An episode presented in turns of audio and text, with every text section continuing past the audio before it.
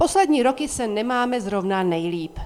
Nejdřív jsme byli zavření během pandemie doma, jen co jsme byli vypuštěni z lockdownu, zase přišla nejprve všeobecná inflace, která nyní dosahuje 17,5% pak se ještě přidalo zdražování energií o desítky procent.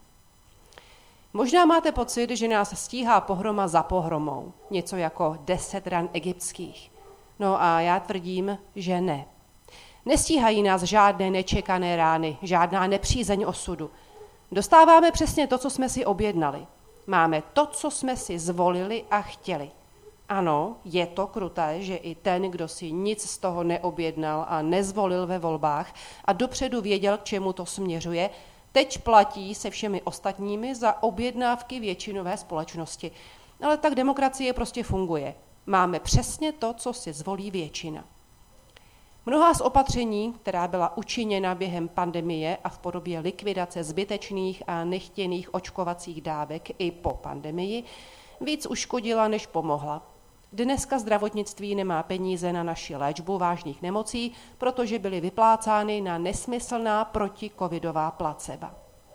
Obrovská inflace, kterou tu máme, je jen přímým a předvídatelným důsledkem toho, že 14 let jsme jako svět o závod tiskli peníze v rámci naivní představy, že poprvé v historii to vyjde a poprvé v historii tisk peněz nějakým zázrakem nebude inflační.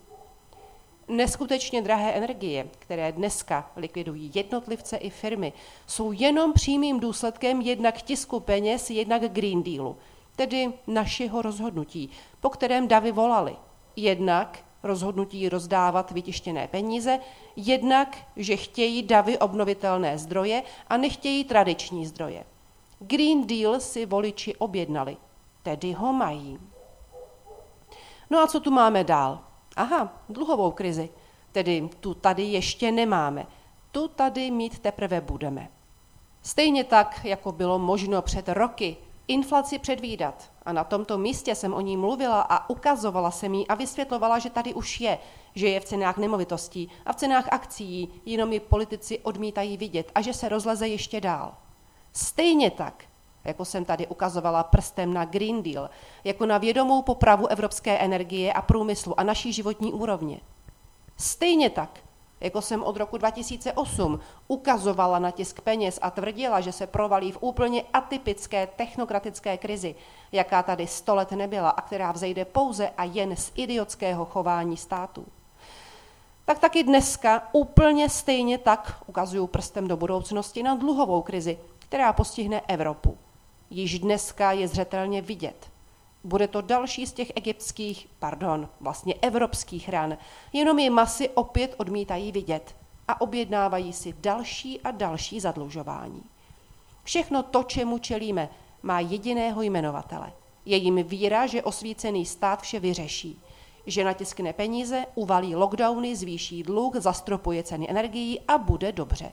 A přitom každá z těch jednotlivostí je nikoli v řešením, ale samotnou příčinou našich problémů. Příčiny problémů vydáváme za jejich řešení a voláme po dalších, která mají být pro lid ta nejlepší. Všem odporným rádoby diktátorům, kteří tvrdí, že vědí, co je pro nás nejlepší, že jen stát může rozhodnout, kdy a kde se budeme rodit, co budeme jíst, jak se budeme modlit, za koho budeme bojovat, koho a jak budeme milovat, jak a kde budeme umírat. Všem takovým já, Markéta Šichtařová, a můj kolega, lékař Martin Vavruša, vzkazujeme, že jsme velmi rozlobeni. Důvod ekonomického úpadku a nemocné společnosti je totiž jediný. Je to víra, že na bohatství, štěstí a zdraví máme nárok bez vlastní zásluhy a že náš život může lépe řídit někdo jiný než my sami.